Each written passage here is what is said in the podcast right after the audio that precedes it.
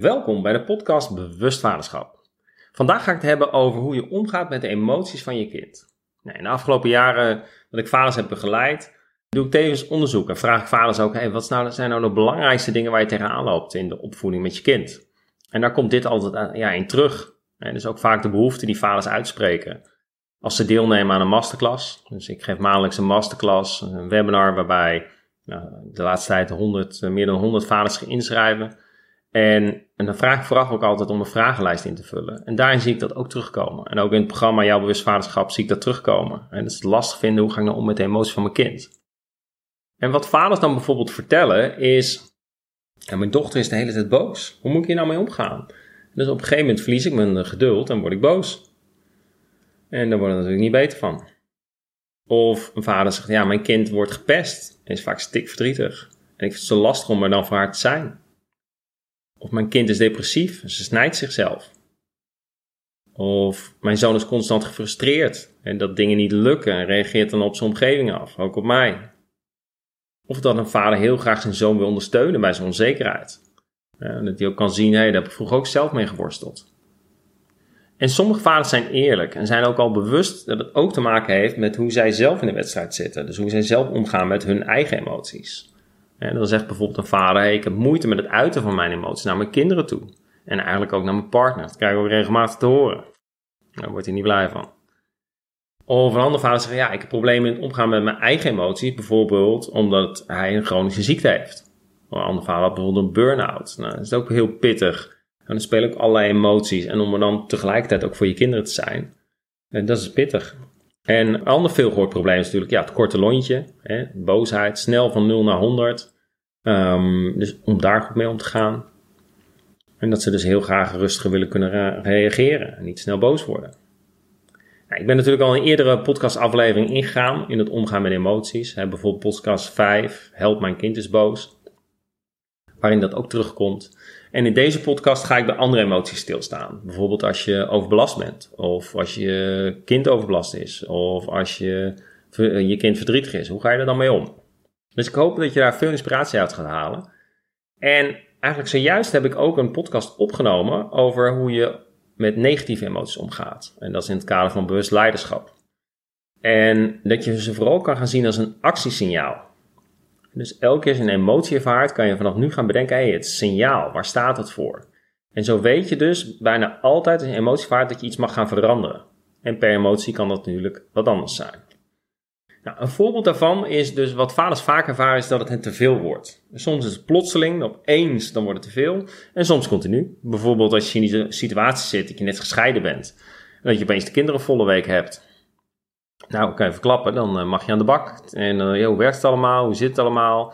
En dan kan het heel snel te veel worden. En dan voelen vaders zich overbelast, overweldigd. Soms zelfs hopeloos of depressief. Dat zijn wel wat erge vormen van die emotie. En alles wat je het gevoel geeft dat, je, dat het meer is dan je aan kunt, past in deze categorie van emoties van overbelasting.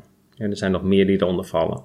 Andere categorieën eh, waar ik bijvoorbeeld ook bij stil heb gestaan is bijvoorbeeld angst, boosheid, teleurstelling, schuldgevoel en eenzaamheid. Maar dat laat ik even voor nu. Ik zoom even in op de categorie overbelasting. En dat is een van de categorieën die volgens mij het leven van de meeste mensen verlamt en verknalt. Dan vrijwel alle andere categorieën bij elkaar.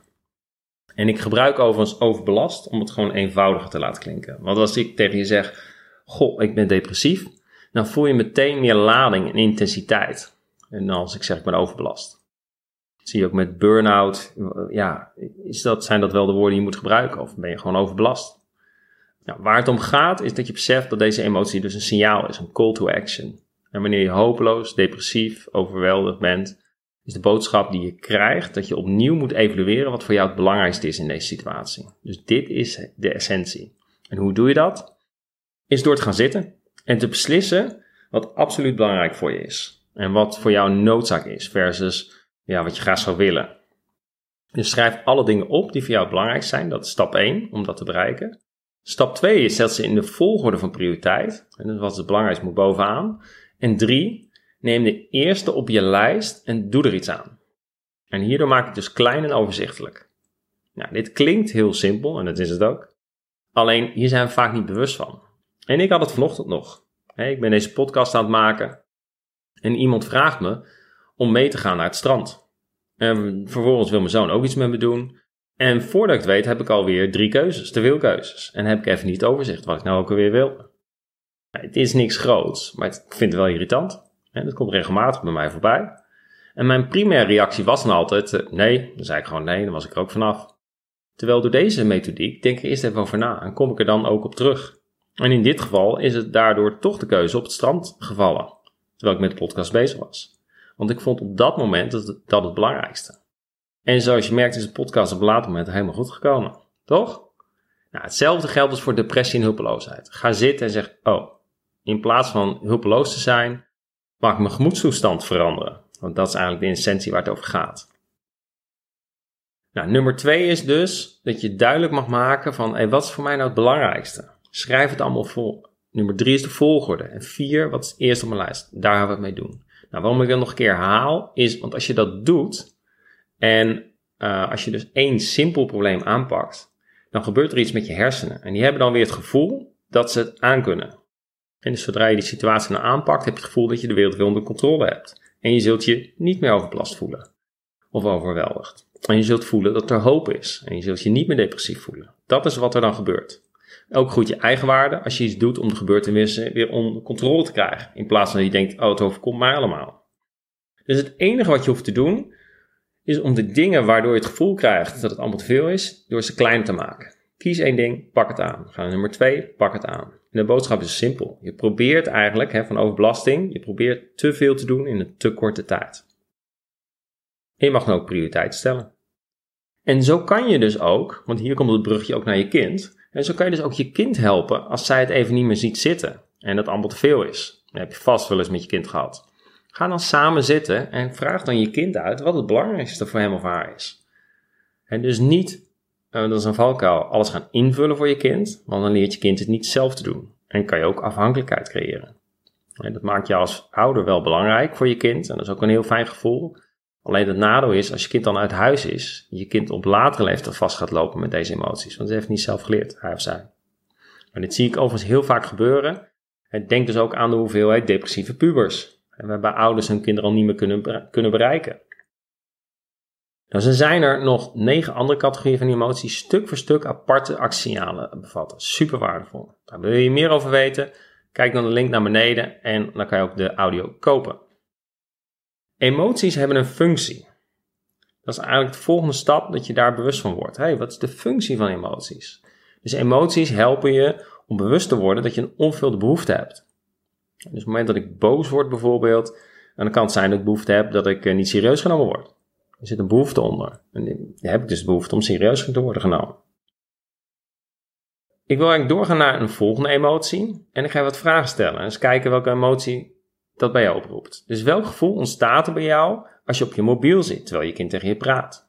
Of je speelt met je kind en jouw gedachten dat je die er niet bij kan houden. Of dat je afspraken met je kind niet nakomt.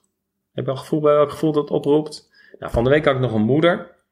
En die vertelde hoe haar dochter na de scheiding helemaal stuiterend op de bank van blijdschap zat. Alleen al vanwege de, gedachte dat ze haar vader weer ging zien. En dan kwam hij weer niet opdagen. Nou, dan kan je dus naar bedenken van hey, welk gevoel er bij die vader op zou roepen. Of dat je je kind te lang laat gamen. Nou, bij de meeste ouders ontstaat dan een schuldgevoel. Ouders verlammen dan vaak voelen zich onmachtig. En als je er niks mee doet, dan komt schuldgevoel altijd weer omhoog. Daarom is het fijn als je dit kan gaan herkennen en actie op kan ondernemen. En de boodschap van schuld is heel eenvoudig. Het zegt namelijk dat je een van je eigen normen hebt geschonden. En dat je onmiddellijk iets moet doen om ervoor te zorgen dat je dat in de toekomst niet meer doet. En je voelt je schuldig omdat je deze maand niet langs je ouders bent geweest. Terwijl je behoefte en je norm is om dat twee keer per maand te doen. Daarom voel je je schuldig. En de meeste mensen ontkennen het schuldgevoel. Maar sommige mensen voelen zich ook helemaal niet schuldig. Dus je ziet dat mensen er verschillen mee omgaan. En waar ik het overigens ook mee eens ben, Alleen, uh, dus om er niet in te blijven hangen, hè, zolang je het schuldgevoel maar niet ontkent. Want als je het ontkent en de boodschap niet begrijpt, dan komt het schuldgevoel gewoon weer terug. Vroeg of laat komt het gewoon weer terug. Dus als het ballonnetje onder water die vanzelf een keer omhoog komt. Maar dat kost steeds meer moeite om dat ballonnetje onder water te houden. En zo lopen er ook heel veel mensen rond met schuldgevoelens. Waardoor ze zich de rest van hun leven minder waardig voelen of slecht voelen. En ze hebben zoveel spijt van iets wat ze ooit hebben gedaan, En dat is niet het doel van schuldgevoel. Het is ervoor om te zorgen dat je schoon schip maakt. Het is ervoor om te zorgen dat je verantwoordelijkheid neemt en je eigen norm niet meer overtreedt. En het gaat erom dat je het goed maakt als je iets verpest hebt. Dat is wat je mag doen. Dat je iets verkeerds hebt gedaan, dat hoort bij het leven. Dat is een gegeven. Dat gebeurt iedereen. En soms kun je dat niet. Soms is er iemand overleden of is er wat gebeurd waar je schuld over voelt uit het verleden. En bijvoorbeeld dat je op latere leeftijd vindt dat je je kinderen niet goed hebt opgevoed omdat je altijd op je werk was. En dan kan je het niet meer veranderen. Het enige wat je dan nog kunt is je huidige en je toekomstige gedrag. Nou, zo had ik ook iemand die er met de vriendin van zijn beste vriend vandoor was gegaan. En pas toen hij verantwoordelijkheid nam voor zijn gevoel en een actie op ondernam, kon hij het schuldgevoel loslaten. Terwijl hij eerst dacht dat het niks met hem deed. En toen hij daar, op een gegeven moment werd hij steeds bewuster en toen zag hij, oh ja, die negatieve gedachten blijven terugkeren. Nou, misschien voel je je schuldig over iets waar je helemaal niet schuldig over hoeft te voelen. Dat gebeurt natuurlijk ook wel eens. Misschien heb je dat wel eens gedaan, misschien komt er ook weer iets omhoog. Nou, ik weet in al dat ik het heb gedaan. Ik heb wel schuldig gevoeld omdat ik niet iedereen in de opleidingsgroep hielp om uh, blij en vrolijk, uh, vrolijk te zijn, gelukkig te zijn. En ondanks dat het mijn goede intentie was, is het niet handig. Want ik ga er niet over hoe een ander zich voelt. Dus misschien moet je ook je regels en je perceptie veranderen. En dat helpt ook om je minder schuldig te voelen. En als laatste, misschien voel je je schuldig over de manier waarop je met iemand communiceert. En je was bijvoorbeeld kort af of bot tegen je kind neem je verantwoordelijkheid. Zeg, zeg hey, lieverd, spijt me, ik wil het niet doen. Ik heb echt spijt van wat ik zei, ik zat fout. En door verantwoordelijkheid te nemen, kan je ook je gedrag in de toekomst veranderen. En ook zo zal schuldgevoel verdwijnen. En dan heeft schuldgevoel je geholpen, toch? Dan je een beter mens gemaakt. Nou, daarom is het er. Gebruik het. Ga er niet helemaal in op. Nou, afsluitend geef ik nog een paar tips over hoe je om kan gaan met verdriet. we hebben het net gehad over als je overbelast bent, hoe je omgaat met schuldgevoel en als laatste verdriet. Het zijn allemaal ja, emoties die heel vaak terugkomen, ook bij vaders. we zijn soms geneigd om gepiep, huilig gedrag of verdriet van ja, ogenschijnlijk kleine dingen van je kind te bagatelliseren of te negeren. Maar vaak zit er een ander groter verdriet achter dat er even uit moet. Wellicht herken je dat ook al. Dan denk ik, wow, waar komt dat vandaan? Eerste tip is, stimuleer je kind om het te uiten. Helmer even. Helmer even. Al je tranen eruit. Heel goed. En ik zeg bewust heel goed, want dat zijn twee woordjes die je heel makkelijk kan zeggen, waardoor je je kind toestemming geeft om alles te uiten. Dus je hoeft niet heel veel te zeggen. Tip 2. Probeer ook niet alles op te lossen of te relativeren. Wees aanwezig. Knuffel je kind als, hij of zij dat fijn vindt. En verder hoef je niks. Nou, dit zijn handige tips en deze werken ook. Weet ik uit eigen ervaring. Alleen om te voorkomen dat het een trucje wordt, en dat voelen kinderen, is het essentieel om het goede voorbeeld te geven met je eigen verdriet. Dat het er mag zijn, dat je het kan uiten. Immers, kinderen doen niet wat je zegt, maar doen wat jij doet. Dus op welke manier heb jij geleerd om om te gaan met je verdriet? En wat zie je jezelf doen op het moment dat je verdriet ervaart? Stop je het weg, stap je eroverheen? Wat zie je zelf doen? Misschien ga je het ook aan. En ben je ook verdrietig waar je kinderen bij zijn? Dat kan ook. Maar dat is wel goed om daar bewust van te worden. En als je dus echt je kinderen wil helpen en ze een cadeau voor het leven wilt geven, dan mag je eerst leren om met je eigen emoties om te gaan, ze te herkennen, en zodat je je kind echt kan helpen en de kwaliteit van hun leven significant kan veranderen. Want dat is wat je gaat doen op het moment dat je hiermee aan de slag gaat. Want hoe waardevol is het wel niet als je je kind kan leren zijn eigen emoties te leren beheersen. En negatieve emoties soms direct kunnen omzetten in een actie. En worden zich weer goed voelen. Hoe waardevol is dat?